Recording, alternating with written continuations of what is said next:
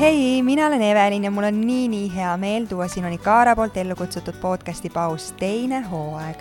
koos oma teise lapse ootusega kulgen neis saadetes koos spetsialistidega just raseduse teemadel, et pakkuda sulle toetust ning teadmisi sel erilisel eluperioodil. olen oma beebi ootusega jõudnud vaikselt teise trimestrisse, mis ühtlasi tähistab ka taasvisiiti ämmaemanda juurde.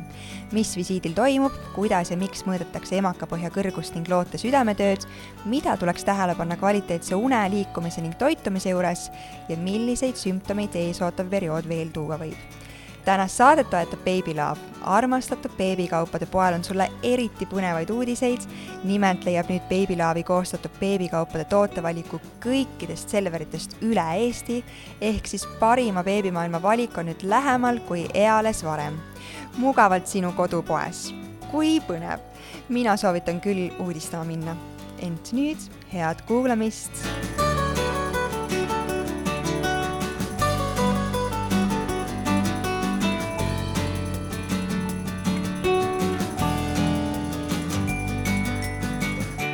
tšau, Kärt! jälle, mul on nii hea meel sinuga siin jutustada ja seekord äh, võib-olla minu enda jaoks siis teistpidises äh, järjekorras, ehk siis kui praegu selle teise hooaja saated on tulnud selliselt, et ma ise olen äsja kas sinu kabinetist või äh, naisterahvast Liina kabinetist välja astunud ja siis me oleme saate salvestanud, et see, et need saated käiksid kuidagi minu rasedusega samas tempos, et seda oleks lihtne hoomata ja jälgida ja võib-olla sellele ka suuremat väärtust pakkuda, siis tänu sellele suuremat väärtust pakkuda kuulajatele, siis täna meil on natukene teistpidi, ehk siis sa räägid sellest, mis mind ootab ees paari päeva pärast sinu kabinetis, kabineti astudes. aga ma tahaksin täna teada selle kohta, kuidas see Oskar testi järgne raseduse jälgimine üleüldse ämmaemanda poolt välja näeb, sest nii nagu doktor Liina Rajasalu ka saates rääkis, siis selle testi või screening'u põhjal siis otsustab arst selle, kuidas raseduse edasine jälgimine toimub, kas on vaja naistearsti sekkumist mõnel hetkel või, või läheb see tavapäraselt äh, lihtsalt ämmaemanda kabinetis edasi. Mm, minu puhul see on see viimane mm -hmm. ja nüüd ma siis tahaksingi teada, kui tihti need äh, visiidid on praegu, mis sa seal teed minuga ja üleüldse naistega ja mis mind seal ees ootab? jaa, et äh, edasi siis me hakkamegi kohtuma kord kuus ja siis vahepeal äh, mahub sinna veel üks äh, ultraheli, äh, kannab nimetust loote anatoomia, kus siis taaskord arst vaatabki üle, kuidas tita on kasvanud ja hindab tema olulisi näitajaid, tema organsüsteemi. Ja enamasti see on siis ka see periood, et kui laps nii-öelda näitab ja, ja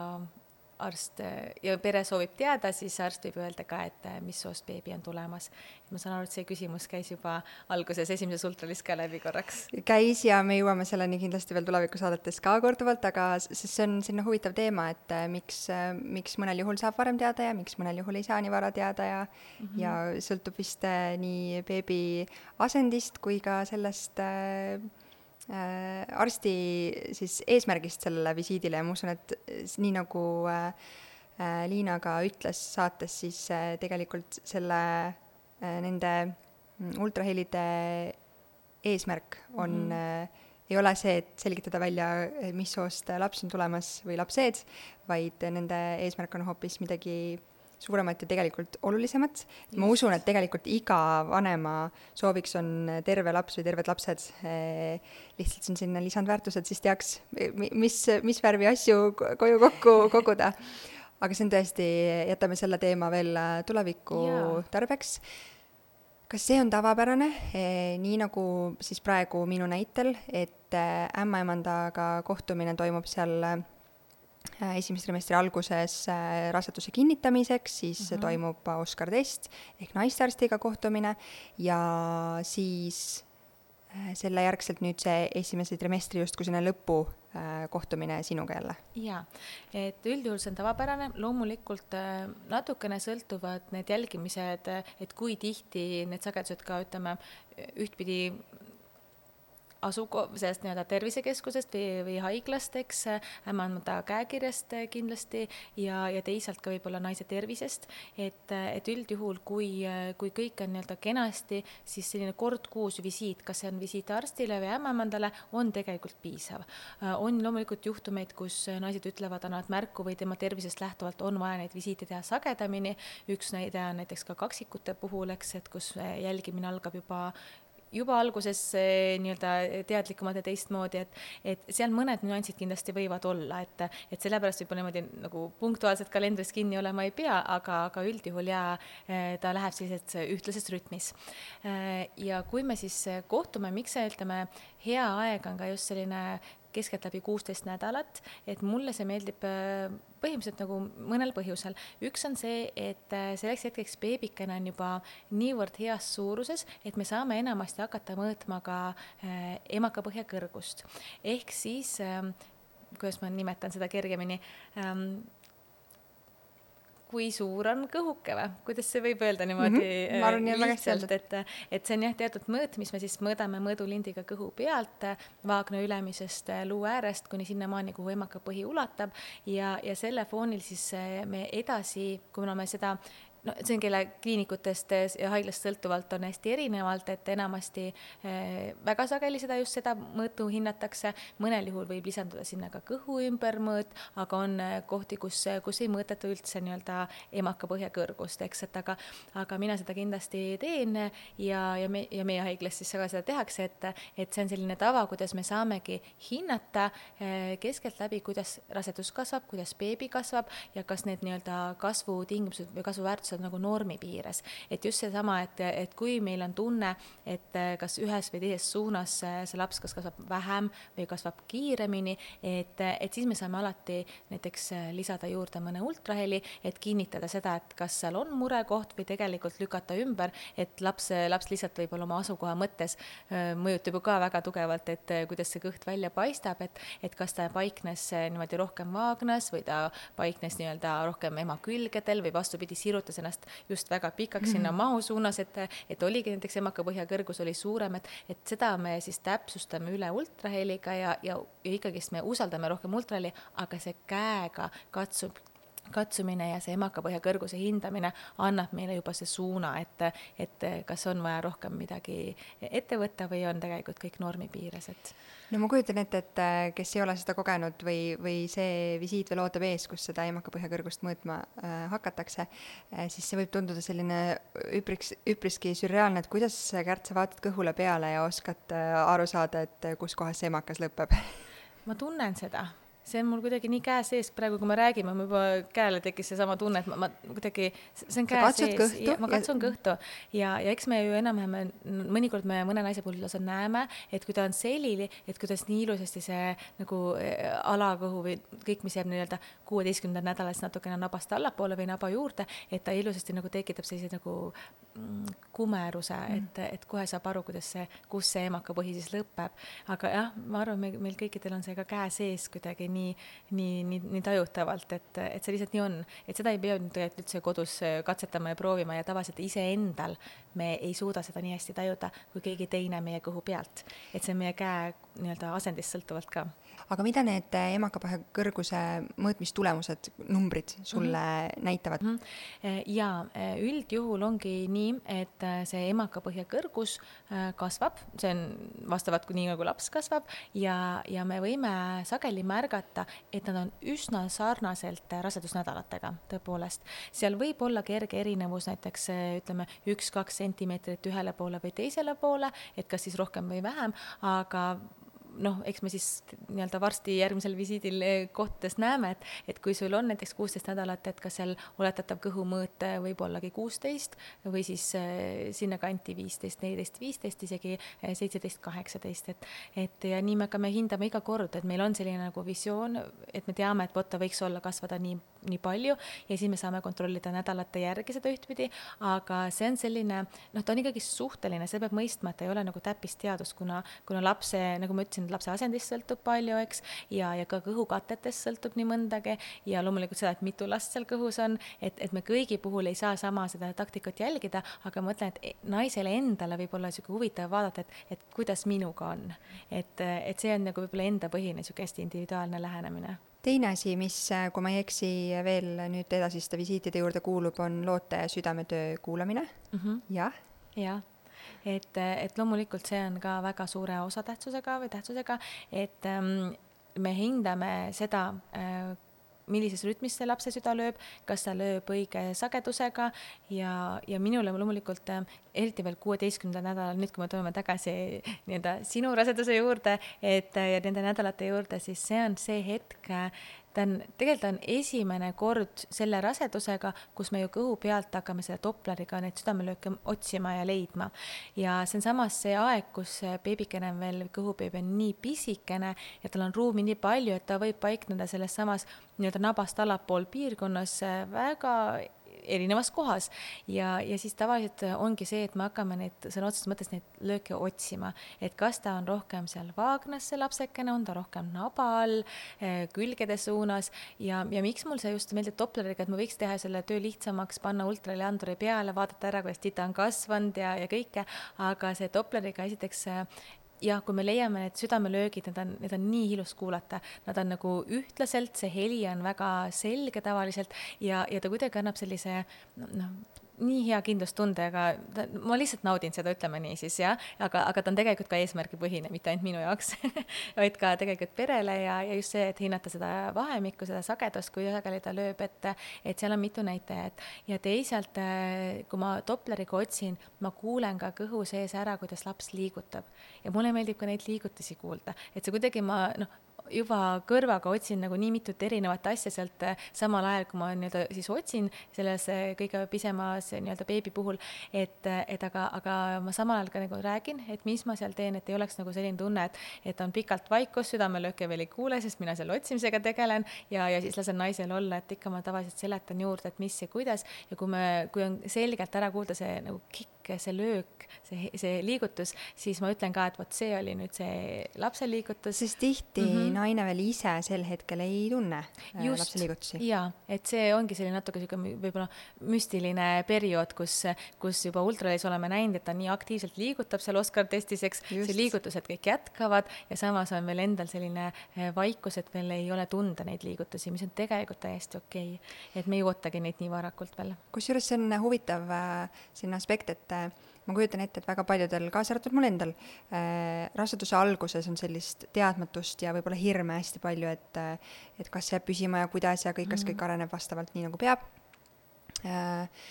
aga siis äh, tuleb see esimese trimestri iiveldus ja, ja kõik nagu keha annab justkui märku, et midagi päriselt toimub mm. -hmm. ja ma pean tunnistama, et kuigi ma olen siin saadetes ka rääkinud selle kohta, et see iiveldus ei ole teps mitte nauditav, siis mu kuklas tiksus kogu aeg seda kogedes, et aga järelikult mu keha teeb tööd ja kõik on hästi mm. -hmm. et see oli mulle natukenegi, kuigi ma tean, et see ei ole ka päris äh, võib-olla täpne info, sest äh, need sümptomid võivad kesta ka siis, kui võib-olla kõik ei ole enam nii hästi, aga jätkuvalt mulle kuidagi andis see kindlustunnet, et kui ma tunnen seda iiveldust ja ma tunnen seda väsimust, siis järelikult on hästi, just, aga Kui mhm. iiveldus saab läbi ja justkui hakkab jälle see rõõsa ja roosa ja selline energia tagasi tulema ja periood,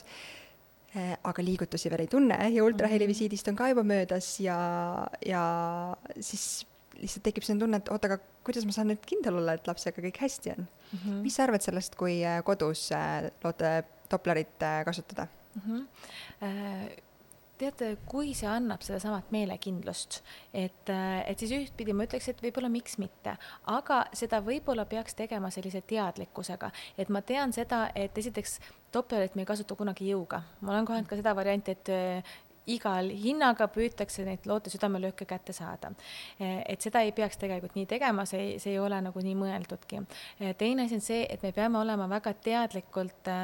noh, teadlikud ka sellest, et kuidas see titakene seal kõhus võib paikneda, et tema asendist sõltub seda, kui palju me seda, kui hästi me seda, neid lööke tunneme. et, et see on ka üks, üks aspekt ja on täiesti okei okay,, kui me ühel hetkel tunneme paremini, teisel hetkel võib-olla ei kuule neid liigutusi, eks, et kui me hakkame kodus nii-öelda kontrollima, siis see sagedus on ju meie teha ja seal võib olla erinevaid nagu tulemusi. ja, ja samamoodi võib-olla ka seda teadlik, et me võime samamoodi samas piirkonnas kuulda ka iseenda pulssi, et siis see ei ole näiteks loote südamelöögi sagedus, vaid see ongi minu pulss. et, et ühtpidi võib-olla on mõistlik Dopplerit kasutada nagu pärast sedasamat nii-öelda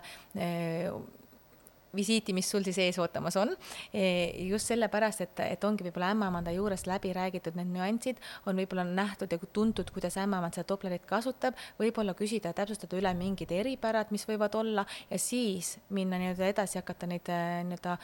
kodus neid lööke kuulama. sest et mõnikord ta tõesti annab sellise hea tunde, et, et sinna lapse liigutusteni võib sellest eda-, hetkest edasi veel olla neli, viis, kuus nädalat, enne kui ma hakkan neid päriselt tundma, et see see on päris pikk aeg ja, ja seetõttu võibki olla hea,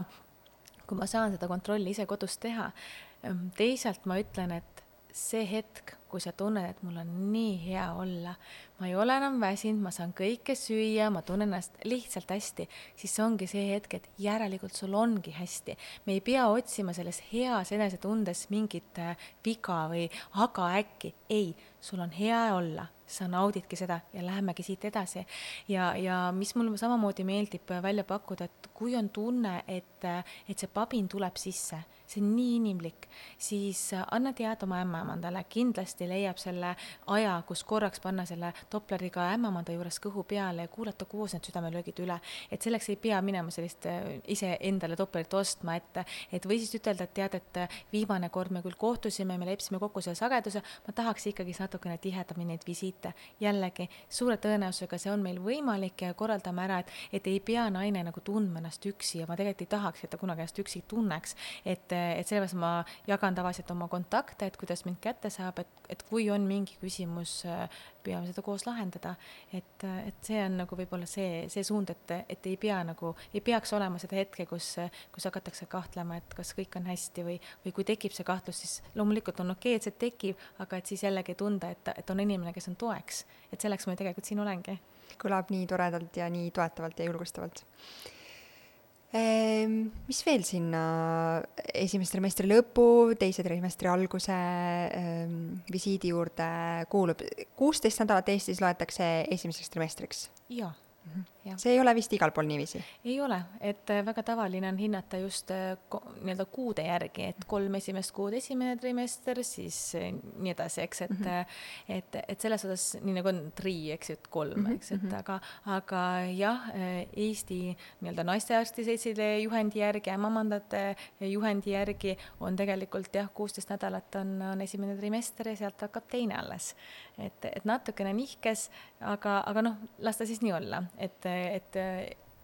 nii me arvestame, aga mis me siis edasi teeme või sellel samal visiidil me kindlasti vaatame üle ka kõik analüüsi tulemused, mis on olnud. see nüüd ei tähenda, et ma poleks neid varem üle vaadanud. kui on mingi kõrvalekalle, siis sellest hetkest, kui see analüüsi tulemustes kajastub ja kui sellega on vaja tegeleda, siis ma selleks hetkeks juba olen ka ühendust võtnud. eks kuna ma sinuga vahepeal helistanud ei ole, siis, siis järelikult ei olnud midagi sellist, mis oleks vajanud kohe tegelemist ja sel juhul me saame neid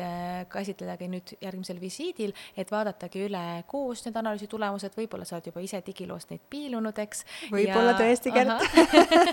ja, ja siis arutadagi läbi, et, et kas on mingi, mis vajab võib-olla tähelepanu või, või võib-olla tulevikus võib vajada tähelepanu, et kindlasti ka see nii-öelda esimeste analüüside hindamine, mis juba, ma arvan, et suures osas said ka tagasiside võib-olla Oscar testil, et enamasti meie gümnakoloogid väga ilusasti vaatavad üle ja annavad ka selle hinnangu, et, et ma tean, et sa tegelikult oled juba hoitud, aga mul on ka komme see nagu üle vaadata, et niisugune nagu pilt ette panna. ja samamoodi loomulikult Oscar testi tulemused vaatan üle ja teen ka siis sissekanded vastavalt saavad siis rasedakaarti, eks, et kõik oleks igal pool kajastatud, et juhul, kui, kui on vaja kuskile rasedakaardiga liikuda või, või mis iganes põhjusel keegi teine haigla peab seda vaatama, et siis seal oleks see põhiinfo ka olemas, et, et see kindlasti on üks väga-väga oluline dokument. rasedakaardist rääkides mm, -hmm. see peab olema kogu aeg kotis kaasas ideaalis võiks, jaa. ma ei saa öelda peab, aga see on väga tugev soovitus, et ta oleks iga päev kaasas, jah mis sümptomid seal kuusteist pluss nädalal äh, kuidagi võivad, ma ei tea, kas sümptomid või kuidas see üldse rasedus äh, kuidagi avalduda äh, enesetundes, tervises võib, mis kuidagi tähelepanu võib vajada mm? -hmm. ma ütleks nii, et tegelikult äh, üldjuhul võikski olla täpselt seesama, et, et iiveldusega juba vaikselt lõpparve võiks toimuda või siis võiks olla väheneda, et enesetunne juba hea. see on kindlasti seesama, nagu sa ütlesid, see kuldne periood, kus äh, vaikselt taas, äh, kui millegipärast tõesti selle esimesest trimestrist sõltuvalt, kas siis iivelduse või enesetunde muutuse tõttu on langenud vahepeal füüsiline koormus, et nüüd siis vaikselt hakata seda taastama kindlasti. kui ei ole üldse mingit treeningut teinud, siis ühtpidi niisugust niisuguste kergemate eh, treeningutega võiks tegelikult ikkagist alustada üle selle, et valmistada oma keha ette selleks, et mingil hetkel hakkab kõhukene hästi kiiresti kasvama. miks see on oluline, sest et kui meie keha on heas toonuses, meie lihased on tugevad, siis seda paremini nad toetavad seda nii-öelda kiiresti muutuvat keha. ja, ja see on ka see periood, et kui ma juba tunnen ennast hästi, ma saan hakata võtta nii-öelda fookust teistes suunades ja, ja hakatagi nii-öelda tähelepanu pöörama näiteks võib-olla siis ka toitumisele, märgata oma nii-öelda harjumusi, harjumusi, eh, nii-öelda hea, häid harjumusi kui halbu harjumusi ja sealt edasi ka seesama füüsiline koormus. Eh, üldjuhul ma tavaliselt soovitan ka teha ettevalmistuse eh, nii-öelda toitumise osas selles suunas, et, et võiks pöörata ka tähelepanu just nendele ka rauarikastele toitudele, sest et äh, kehas tavaliselt raseduse keskel on toimumas muutused, mis, mis oma olemuselt võivad soodustada seda, et kui on tekkimas rauavaegusaneemia, et siis ta siis hakkab vaikselt süvenema. ehk siis äh, see ei ole veel koht, kus ma kontrollin, vaid mõned rasedusaegsed muutused ongi normid, mis ma lasen nii-öelda ennem ära toimuda, kulgeda, aga juba teades ette, me võime nii-öelda oma menüü muuta piisavalt toetavaks, et saabki naine kõik vajalikud mineraalained ja vitamiinid kätte toidust, et siis selle võrra ennetada näiteks teatud nii-öelda vaegusi, mis võib juhtuda. uni on jätkuvalt oluline? magama peab, absoluutselt aga selle võrra võib olla nii, et enam ei märka seda tugevat väsimust enam, mis esimesel trimestril oli, aga loomulikult uni on oluline. ma, ma ei tea, üleüldse uni mul on kuidagi selline ma olen raseduse sümptomitena endale üles kirjutanud äh, erinevatel perioodidel ja nädalatel ka väga värvikaid unenägusid ja kõik, mis on ka tegelikult hormonaalsest tasemest äh, tingitud või, või nendest hormonaalsetest muudatustest tingitud. ja, ja kord äh, lihtsalt mingi sagedam ärkamine tekib ja siis jälle magan väga hästi. kas äh,, mis kuidagi seda kasvavat kõhukest ja kas need rasedate padjad, nuudelpadjad või mm. on nendel ka oma koht nüüd juba siin teise trimestri alguses äh, kasutusele võtta, kui tunned ebamugavust magades või mis sinu mm. hinnang ämmaemandana sellele on um,? ma ütleks nii, et äh, kõik, mis muudab suune paremaks, on ju väga omal kohal selles mõttes. Eh, kõhu mõistes, kõhu kasvu mõistes ilmselt praegusel hetkel veel ei tunne, et kuidagi kõhtu saaks selle padjaga toetada suurel juhul, eks ju, enamus juhul, aga küll aga võib toetada näiteks nuudelpadjaga eh, põlvi, pahkluid, eks, et eh, mõnikord väga mugav külili magades ongi see, et paned nii-öelda padja jalgade vahele, et, et justkui need nagu nii-öelda luulised, tugevamad, raskemad luud kokku ei puutu. Ja see samas hoiab ka sellise hästi hea küljerühi, et kuidagi puus ei vaju ära ja, ja omakorda omakorda eriti veel nii-öelda raseduse järgnevates perioodides võib anda väga niisuguse soodsa ja mugava asendi magamiseks. ja hiljem, kui see nuudelpadi on päris pikk, võiks kõik, võib-olla on see tekirull hoopiski, võib-olla see on mitmest padjast koosnev kompleks, et et mis iganes keegi kodust leiab või, või, või valmistab, et, et siis võib ka hiljem panna näiteks tõesti ühe väikse padjakesega kõhu alla, et kui ma külili olen, siis mu ka kõhk, kõht on nii-öelda keha suhtes mm, keskel, et, et ta kuidagi nagu ei vaju ära, et on, on ka mõnikord, see annab sellise lisamugavuse juurde. aga magamisasend üleüldiselt on kuidagi piiritletud äh, sel kuusteist nädal? mina ei piiritleks kuidagi. kõhuli võib ka magada, kui kõik on kui on mugav hea. ja miks mitte, et, et siin on jällegi see, et kui me kasutame näiteks sellist asendit kuskil lugesin, et on mägironija asend äh, magades, no kujutad ette kergelt see on kiropraktikute õudusunenägu asend, tead jah? just, et, et siis on üks variant, kui sa no tunned ennast ülimugavalt just selles asendis ja ka sa kardad näiteks kõhu pärast, et, et miks mitte panna siis näiteks põlve või puusa alla siis padi, et ta tõstab natukene kõhu maast lahti või kuidas öelda, et, et, et ei toeta otse kõhule, see koormus ei lange sinna ja samal ajal saadki seda asendit kasutada, eks. Mm.. et aga samamoodi ütleme, selili asend, kui see on sulle mugav, ei ole mingit piiri piire ega keelde. ma, ma teeks nii, et see magama minnes sa valid ikkagist omale mugava asendi ja siis öö läbi su keha toimetab nii, nagu ta toimetab, et ei ärkaks üles hirmununa, et nüüd ma olen kõhuli või vastupidi, nüüd ma olen selili. ja siis kui sa olid mugavas selles asendis, siis ei pea mõtlema, et aga mis nüüd juhtub. tegelikult läbi une üldjuhul midagi ei juhtugi, et, et ja eriti nendel rasedusnädalatel minule ma ütleks küll, et kõige olulisem ongi see, et sul oleks mugav magada ja sul oleks täisväärtuslik uni ma tulen toitumise juurde tagasi ja see on üks teema, mille me võtame täiesti eraldi saatena ka üks hetk ette, aga teisel trimestril selline väike äh, kaloraaži suurenemine on õigustatud, jah, aga see ja. ei tähenda kahest söömist, vaid see tähendab võib-olla mhm. ühte lisa snäki korda või ühte väikest võileiba lisaks, on, on see nii? see on nii ja seda ma arvan, et sa oled juba rääkinud väga ilusasti ka saadetes, et, et tegelikult tõesti see kahe eest söömine äh, ma ütlen, et see lause peab paikne, paika ainult äh, siis, kui me mõtleme, et me, meil on vaja kahele tagada piisavalt mineraalaineid ja vitamiine. kahe eest söömine ei ole kunagi see, et ma söön täpselt täisväärtuslikku, ma ei tea, kaks praadi ära. seal ei ole mitte mingit nagu vajalikkus selle jaoks, sest et beebi on ju üldiselt väike, väga väike ja ta oma loomult niikuinii ei jõua seda teist praadi ära süüa, eks. ja, ja kui me mõtleme nagu puhtalt kaloraažist, siis teiseks trimestriks ta jääb ikkagi sinna sada, sada viiskümmend kilokalorit umbes sinna vahemikku, noh, selles osas see on tõesti väga väike portsjon, et see ei ole isegi terve portsjon, et, nii et igal juhul need kogused jäävad sinna suht väiksesse nagu osakaalu. noh, kõige rohkem raseduse ajal rase lihtsalt sellepärast, et ta on rase, naine kulutab kolmsada kilokalorit. no igal juhul ta ei ole kuda-, kuidagi ligilähedane meie tervele nii-öelda toidukogusele, eks, et, et, et jah, e, kahe eest kindlasti sööma ei pea, see isegi ei peaks mõtlema, et seda teha, küll aga võiks see menüüvalik olla niivõrd nagu tasakaalustatud ja täisväärtuslik, et ma tean, et ma lihtsalt e, tagangi oma kehale piisavas koguses neid vajalikke mikro- ja makrotoitaineid, eks see on miski, mis mul käis juba Liinaga kohtumisel siis ultrahelis läbi, aga kuigi ma olen suhteliselt selline intuitiivne äh, sööja ja ma äh, ma arvan, et ma olen päris hästi kursis, kuigi alati saaks paremini, aga, aga sellega, et mu toidulaud oleks äh, mitmekülgne ja värviline ja, ja mu tervist toetav, siis äh, üks, millega ma ei olnud kuidagi mõelnud või arvestanud, on see, et kuna ma imetan jätkuvalt oma esimest last ja see on niikuinii juba siin selle pooleteise aasta jooksul keha,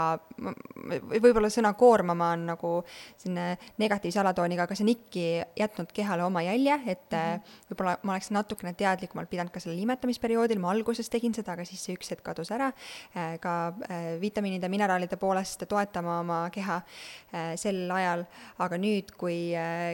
keha meisterdab kõhus uut beebit, siis selle võrra see vitamiinide, mineraalainete mm,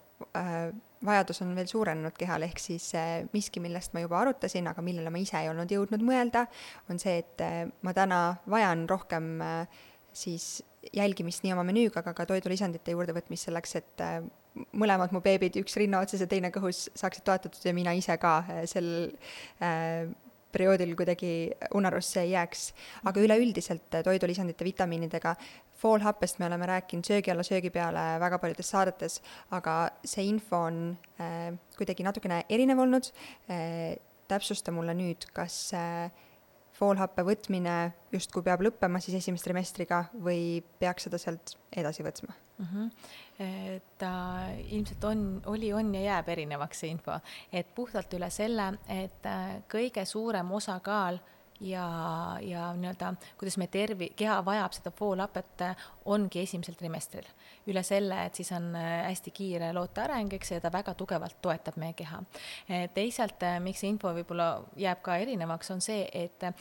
voolape on oma olemuselt on ta B9 vitamiin, me saame seda toidust, küll aga ta on üsna selline, ma ütleks, et kapriisne või, et iga kord, kui me toitu töötleme, on siis see kuumutamise tööl, teel, ma ei tea, külmutamise, hakkimise teel, et siis see foolhape väga kiiresti toidust ka väheneb. et, et kus me seda näiteks saame, tumerohelised äh, lehtsalatid, mm. eks, et üldjuhul võib-olla tõesti võtad sealt, nopid, ma ei tea, peenrast ja, ja paned taldrikule, sööd ära, kõik hästi, aga kui ta on poes seisnud, aeg, eks ju, mõjutab teda, kui ma mingil hetkel võib-olla panen ta hoopis pitsa peale ja, ja ahju, eks ju, kuumus mõjutab seda, äh, et kõik need töötlemisvahendid, et selle võrra me juba eos teame, et, et me saame seda kehale suht vähe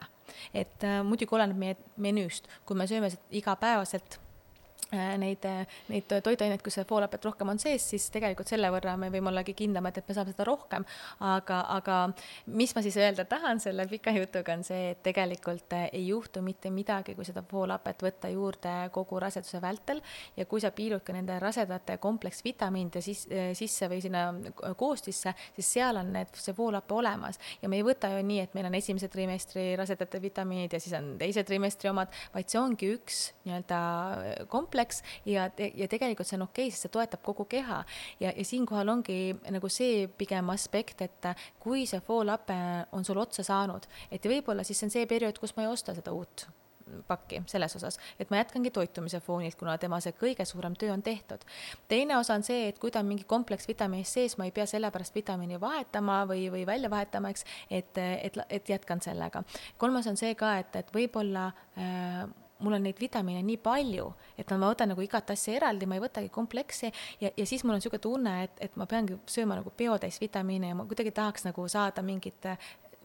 natukene konkreetsemat või vähesust sellest teemal, et jällegi võib-olla siis mõelda, et äkki välja jätta. ja, ja on ka see osa, et, et vastupidi, et võib-olla mul on teda mugav võtta ja ma jätkangi poolappe eraldi võtmist, et, et sellepärast, kuna ta, ta, tal on nagu võimalusi on palju ja see sõltub hästi naisest endast, elustiilist, toitumisest, kõigest ja soovidest, et siis ma pigem ütlekski, et see on nüüd siit edasi on su enda vaba valik, et ta on sul vaba valik kogu aeg olnud, aga pigem on see eeskätt soovitus, jah, põhineb esimesel trimestril, aga sealt edasi on selline nii-öelda eh, enda siis mugavus ja, ja soovi küsimus. Ja, ja muidugi siinkohal ka, et kuna foolappe mõjutab ka tegelikult raua imendumist, et kui peaks olema mingid mured, eh, ma ei tea, raua ja aneemia teemal, et siis on alati võimalik verest kontrollida, et kas on vaja foolapet edasi juurde võtta või mitte, et, et et noh, see võimalus on ka tegelikult, et kui, kui me vaatame, et millegipärast rauda juurde võttes, kui juba on määratud rauaravi, jah, et siis rauda juurde võttes see millegipärast hästi ei imendu, siis meil mõnikord on kahtlus ja põhjendus, et, et vaadata üle ka teatud teised vitamiinid, mis siis on seotud selle raua imendumisega aitäh sulle, Kärt, taas kord targem ja ma loodan, et et äh, nii mõnigi, keda see tee või, või see visiit varsti ees ootab, on ka targemad selles osas. ütle mulle üks asi veel, kuna me nüüd sinuga äh, kui ämmaemandaga saateid mõni, mõni aeg ei tee jälle, kuni me varsti uuesti kohtume, on ju, aga kas on mingid kindlad sümptomid selle teise trimestri alguses või nüüd siin järgmise, üleüldse, millal mina sind äh, nii-öelda patsiendina järgmine kord näen? kuu aja pärast mm, või? Üks on, eks ju, kohe varsti, äh, siis äh, hetkel olen ma planeerinud niimoodi, et kui kõik on kenasti korras, siis meie järgmisest visiidist kuu aega hiljem umbes orienteeruvalt tuleb siis see lootanatoomia ultrali mm -hmm. ja sealt kuu aega hiljem me kohtume. hästi. Kui... aga milliste, -hmm. kui selle aja jooksul on mingisugused sümptomid, äh, mis on ootamatud, millega ei oska, millele ei oska reageerida, milliste sümptomite puhul peaks otsima abi saad sa kuidagi, me oleme siin rääkinud küll peavaludest ja küll iiveldusest, aga need jäävad nüüd pigem sinna esimesse trimestrisse mm -hmm. ja see, see, see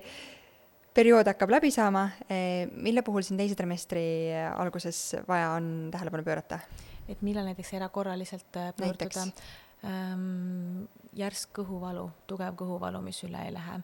ähm,, veritsus mida tegelikult enam ei peaks olema, et äh, järsult tekib selline punane veritsus, eks ju, tupest, ehm, siis ehm, kui näiteks on mingi seisund, mis äh, intensiivselt hakkab süvenema, jah, mõnikord tõesti mõned naised äh, märkavad, et näiteks raseduse ajal on peavalu sagedamini. Kui, kui näiteks ähm, noh, see sagedamini pigem on see, et neil varem pole võib-olla üldse olnud ja nüüd on näiteks ütleme, kas siis mõned korrad kuus, aga ta ikkagist märkab seda. kui näiteks see muutub intensiivsemaks ja sinna kaasub midagi juurde, et mul juba on iga päev on peavalud, ma ei, ma ei saa sellest, ma olen võib-olla erinevaid variante kasutanud, proovinud lahendusi leida ja, ja ma ei saa sellest ise jagu, võib-olla sinna midagi veel lisandub, et, et sellised süvenevad sümptomid alati vajavad tähelepanu. kas ka et, paistetus ja turse, mis mida tegelikult praegu ei ootaks küll okay.. jaa, ma ei ootaks seda turset veel okay. mitte, aga kui see järsult tekib üleöö ja kindlasti absoluutselt vajab tähelepanu, et, et no, igasugused tegelikult kaebused, et me ju oleme ju selles mõttes oleme olemas, et, et, et samamoodi me ei oota, et põipõletik tekiks või miskit sellist, eks, et, et kui on eh, ka külmetusega seonduvad, näiteks järsku tekib eh, kõrge palavik, et, et loomulikult peab naine teadma, et tal on alati olemas perearst, eks, et ta saab oma tervisemuredega tema juurde pöörduda, et et mõnikord ongi, et mingi viirushaigus lihtsalt äh, niidab meid maha ja kõik sümptomid jälle korduvad, mida tegelikult me ei oota. Äh, siis äh, teisalt mina olen ka alati või oma ämmemad on alati olemas tegelikult, me saame kas siis vastavalt, kuidas on kokku lepitud, helistada või kirjutada talle, eks, et, et anda teada, et konsulteerida, et kas see on veel okei okay,, kas ma saan ennast kodus jälgida või peaksin juba kuskile pöörduma. siis on olemas ämmemandade nõuandeliinid, et, et mulle väga meeldib neid soovitada, sest et see on üks kiirem asi, me oleme oma elurütmis ju nii kiired ja me tahame kohe, kohe nii-öelda kiiresti vastuseid saada, et siis näiteks ITK-l on tasuta ämmaemandade nõuandeliin, mis ka esmaspäevast reedeni, eks ju, tööpäeviti töötab kohe ma ütleks väga kiiresti saab vastuse. Ja ka selle kaudu on võimalik, kui tõesti ämmaemand kuuleb, et see probleem on kiireloomulisem, aga mitte erakorralise vastuvõtu nii-öelda või sinna ei pea pöörduma, et siis on võimalik Eh, broneerida ka läbi selle nõuandeliini selline kiirem vastuvõtuaeg ämmaemanda juurde, et, et seda siis Tallinna piires, eks, et nii et, et variante tegelikult on jällegi, et kui naine jagab enda seisundit, on iseendast teadlik, et siis me oleme alati olemas nii et tasub jälgida ennast, oma, oma keha, oma tervist ja oma sellist sisetunnet ka, et mm -hmm. mitte jätta ka pöördumata kui ka hirm või, või selline tegelikult vajadus on. jaa, ja isegi kui on tunne, et, et noh, võib-olla ei ole mure, jaga, jaga seda ja siis me vaatame koos, kas see on see mure, millega peab tegelema või see on tõesti see mure, et ma võtan pinged maha, ütlen, et tegelikult on kõik hästi. et, et, et minu meelest igal juhul on ju hea, kui, kui saab jagada. aitäh sulle, Kärt, taas kord toreda saate ja teadmiste eest. aitäh. tšau.